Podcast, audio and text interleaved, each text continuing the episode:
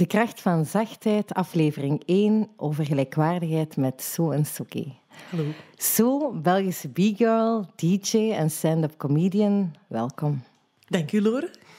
Misschien om te beginnen, wat is voor jou zo zachtheid? Uh, met zachtheid moet ik eigenlijk meteen denken aan liefde. Uh, dingen die dat je lief hebt, inclusief jezelf, die behandelt je sowieso met zachtheid. Um, ja, zachtheid is voor mij uh, vergevingsgezindheid naar anderen toe, maar ook naar jezelf. En het is ook, zachtheid is voor mij dingen, ja, dingen behandelen met liefde.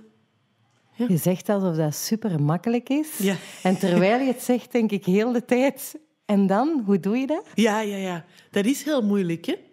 Dat is heel moeilijk. Uh, in eerste instantie is dat moeilijk tegenover jezelf, om jezelf met zachtheid te behandelen omdat je... je allez, heel veel mensen, ik toch, je hebt een soort van leven voor ogen of een soort van perfecte zelf of zo. En uh, om daar naartoe... Je denkt dan, om daar naartoe te gaan, moet, eist je van alles van jezelf. Van, ah, je moet dit en je moet, uh, je moet zoveel geld verdienen en je, moet, je vriend moet dit en ik wil die kleren en ik wil dat en ik wil. Je, je eist van alles van jezelf maar eigenlijk, en dat is iets dat ik de laatste jaren heb beseft, en maar dat je heel hard tegen jezelf moet zeggen, eigenlijk bereikt je pas liefde voor jezelf als je jezelf accepteert zoals je bent op dat moment. Beseffen dat dat genoeg is en dat is zachtheid. En hoe dat ik dat persoonlijk in praktijk uh, probeer te doen, en dat klinkt zo wat uh, zweverig, maar ik doe meditatie. En niet... Ik had ook in het begin heel veel moeite met het idee van meditatie. Dat lijkt zo echt zo'n onover, onoverkomelijke berg van zo... Wat moet ik hier nu gaan stilzitten en een beetje naar mijn adem luisteren? Dat, dat, dat idee had ik in het begin. Wat ben ik hier eigenlijk aan het doen? Maar ik merk nu, ik heb zo'n stoem appje dat zo mijn dagen telt dat ik meditatie doe. sommige dagen is dat maar drie minuten hè, of vijf minuten, maar ik doe het wel elke dag. Uh, sommige dagen is tien of twintig minuten.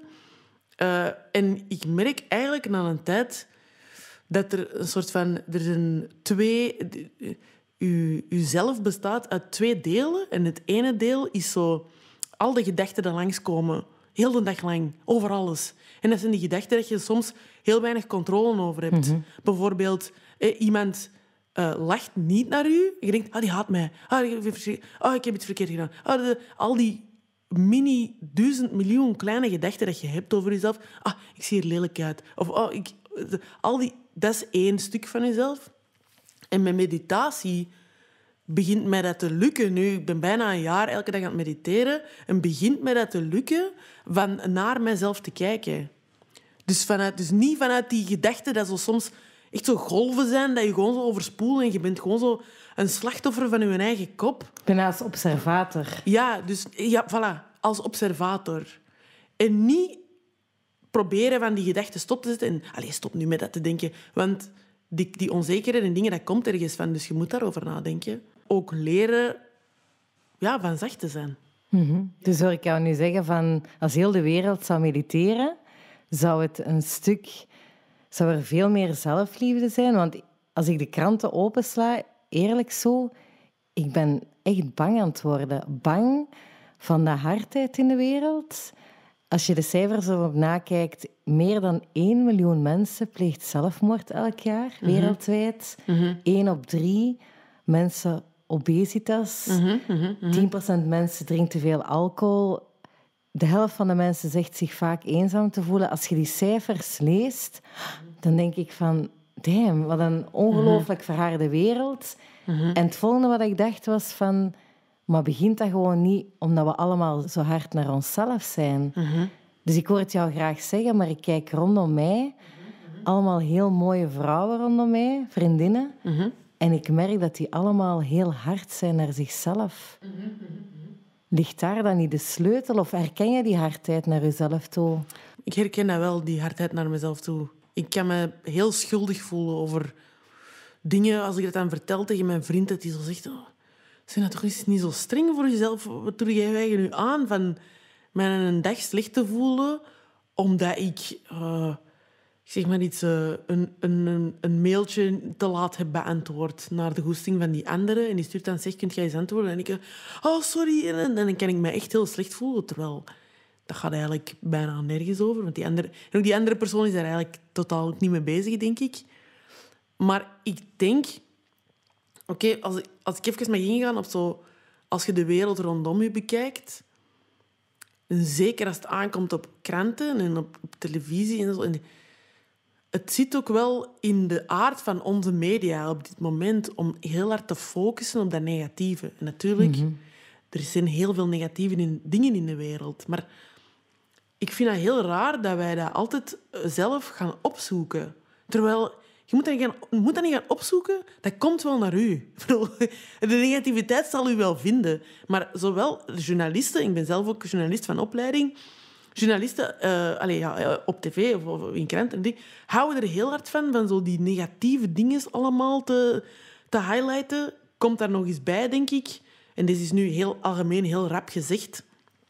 Maar dat wij eigenlijk... Ik vind dat wij in onze maatschappij dat wij een beetje te individualistisch zijn. Ik denk dat we deze vorm van maatschappij niet gaan kunnen blijven volhouden. Want je zei van... Heel veel vrouwen zijn heel streng voor zichzelf. Er wordt heel veel van ons geëist door onszelf. Maar dat komt ook omdat wij in een soort van transitieperiode zitten, denk ik. Wat bedoel je daarmee? We zitten tussen uh, jaren 50, vrouw aan de haard, je hebt juist stemrecht, je mocht nog net niet je eigen bankrekening opdoen. Of, dat? dat is allemaal rond die periode. Uh, vrouw aan de haard en je gaat voor de kinderen zorgen. En nu, het is 2019 en vrouwen mogen zo gezegd doen wat ze willen.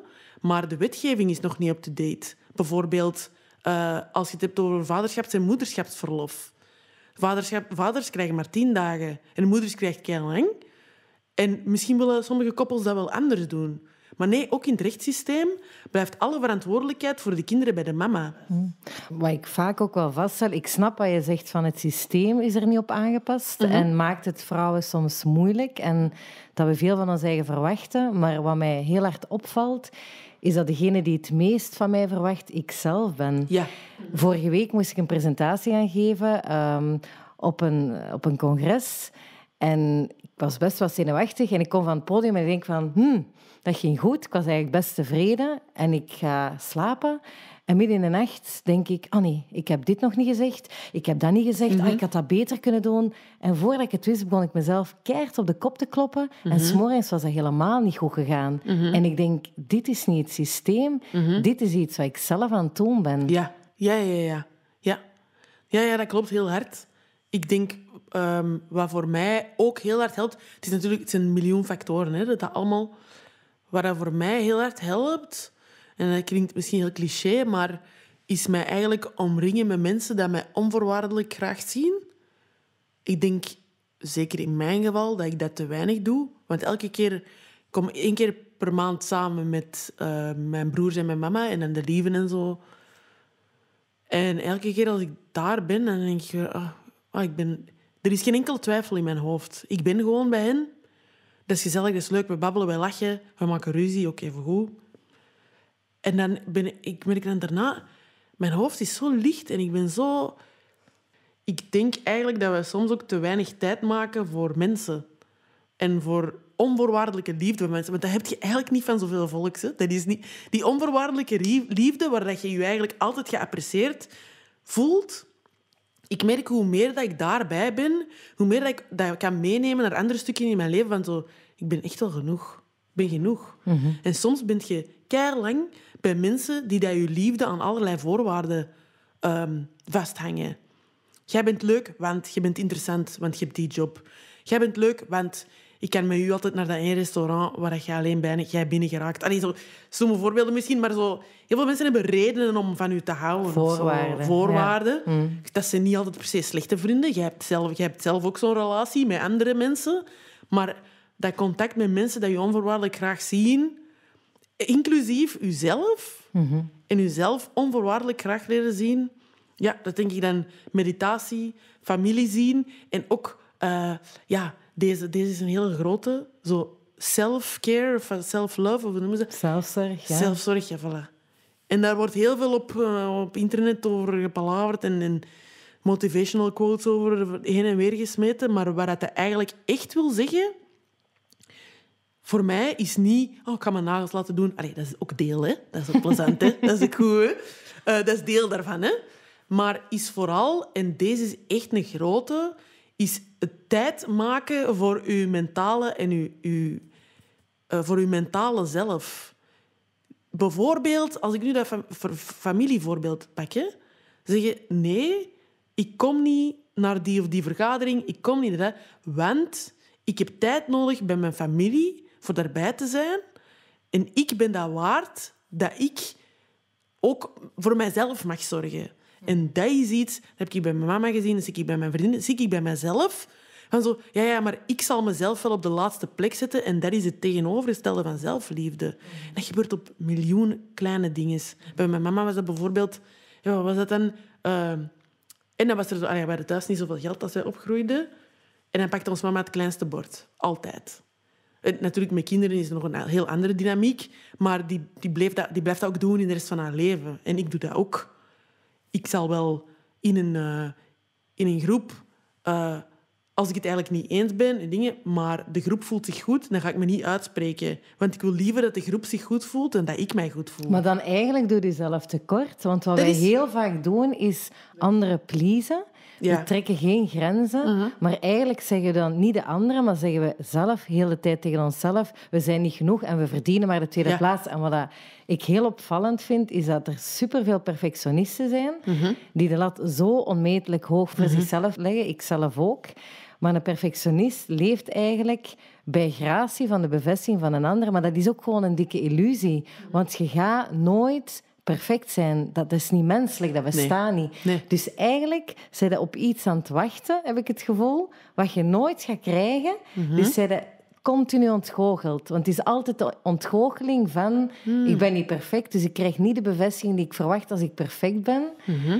En dat toch gewoon zeer. Dat is, dat is die lat zo hoog leggen, die bevestiging die je nodig hebt ook zo hoog leggen, die niet krijgen en dan de pijn voelen van je krijgt dat niet.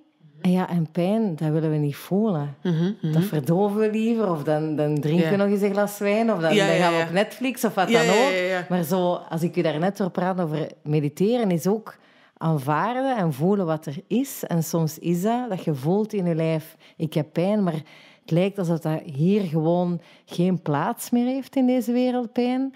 En wat ik dan heel typisch vind, is dat je twee opties hebt. Je hebt twee vluchtroutes. Als je de mhm. pijn voelt, dat je het niet perfect doet, kun je ofwel je klein maken, wat ik zelf heel lang heb gedaan, en eigenlijk niet, je mhm. niet laten zien ten mhm. volle.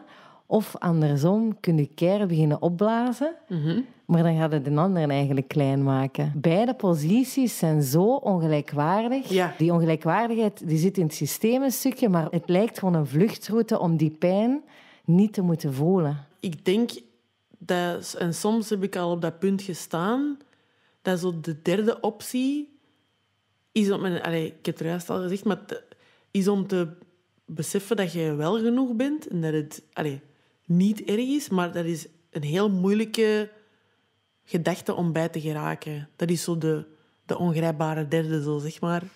Uh, en ik merk dat ik dat enkel heb gehad in periodes.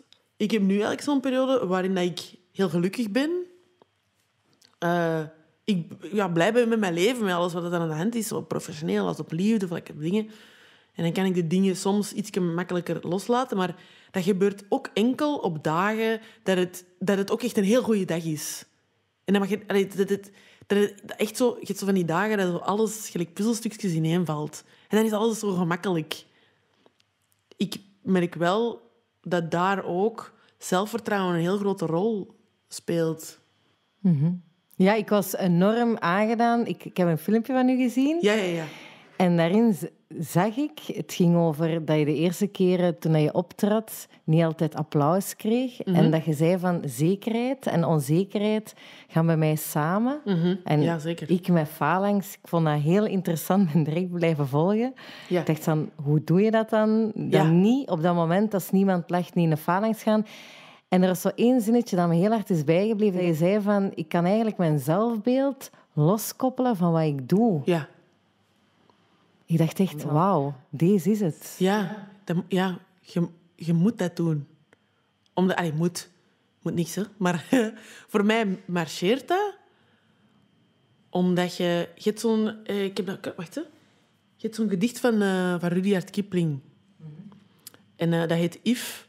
En dat gaat over... gaat dan zo over een mijn, maar je kunt daar ook even een woman van maken. Hè? En dat gaat er eigenlijk over een vader die tegen zijn zoon zegt dat als je dat en dat en dat en dat en dat allemaal kunt doormaken en eigenlijk de volgende dag nog altijd dezelfde man zijn en met een glimlach het leven tegemoet gaan, dan ben je een echte man.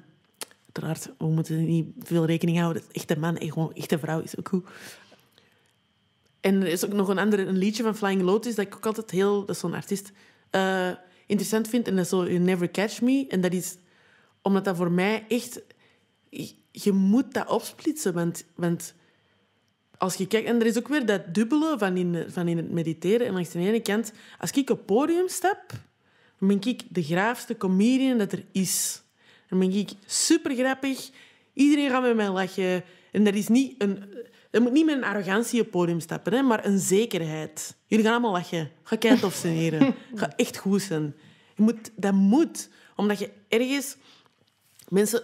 Ook dat is even eigen aan comedy, maar mensen lachen niet met iemand die onzeker is. Tenzij je zo gespeeld onzeker. Maar als je echt ziet dat hij met onzeker is, dat is zielig. Hè? Daar ga je niet mee lachen. Hè? Je lacht niet meer met zielig. Daarnaast heb je, en dat vind ik eigen aan alle artistrie, is je mocht echt wel zelfvertrouwen hebben en geloven in jezelf.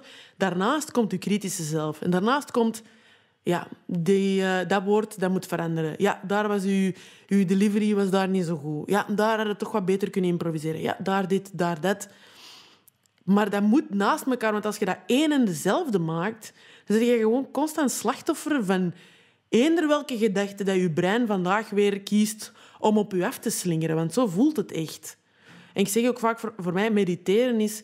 Ik zit in een zee met zo golven die langs overal komen. En zo, sommige dagen is er, wat minder golven, maar andere dagen komen er van overal tsunamis. En ik voel mij zo overweldigd dat ik, zo, ik ben aan het verdrinken. Dus mediteren is voor mij even een bootje opzoeken of een eilandje opzoeken en kijken naar die zee. In plaats van nu altijd zo... Oh, vandaag is het weer dit. Oh, vandaag... Oh, ik voel me kei schuldig van dit. Oh, ik voel me verschrikkelijk van dat. Er is altijd iets. Dus je moet je een stuk kunnen loskoppelen. Als je zegt van die twee beelden zet ik naast elkaar en, en ik ga op podium super zelfzeker van ik ga dat hier geweldig doen. Ja. Dat lijkt me een sector nogthans, stand-up comedian. Ja. Ik ken alleen maar mannelijke, of tot voor kort alleen maar mannelijke stand-up comedians. Ja, ja, ja. Ik vind ook dat mannen zich af en toe wel eens kunnen opblazen. Ja. Mhm. Zeker, denk ik, in die wereld is het dan zo gemakkelijk om als vrouw in die wereld, die ook wel soms een vleugje cynisme heeft, Mhm, om daar dan eh, in gelijkwaardigheid en in zachtheid te blijven. Dat ik over het algemeen wel vind dat mannen een zelfzekerheid hebben vaak waar je van denkt, oké, hoe twijfelt jij niet aan jezelf? Of hoe lijkt, hoe lijkt jij niet aan jezelf te twijfelen? Zo, hoe ken je dat jij denkt dat alles wat jij zegt kei interessant is? Zo, is dat, zo, dat kan soms zo overkomen. snap het, ja. Snap? Natuurlijk zijn er ook mannen met onzekerheden, of course. Maar dat, dat heb ik toch heel vaak, dat ik zo, wow, oké.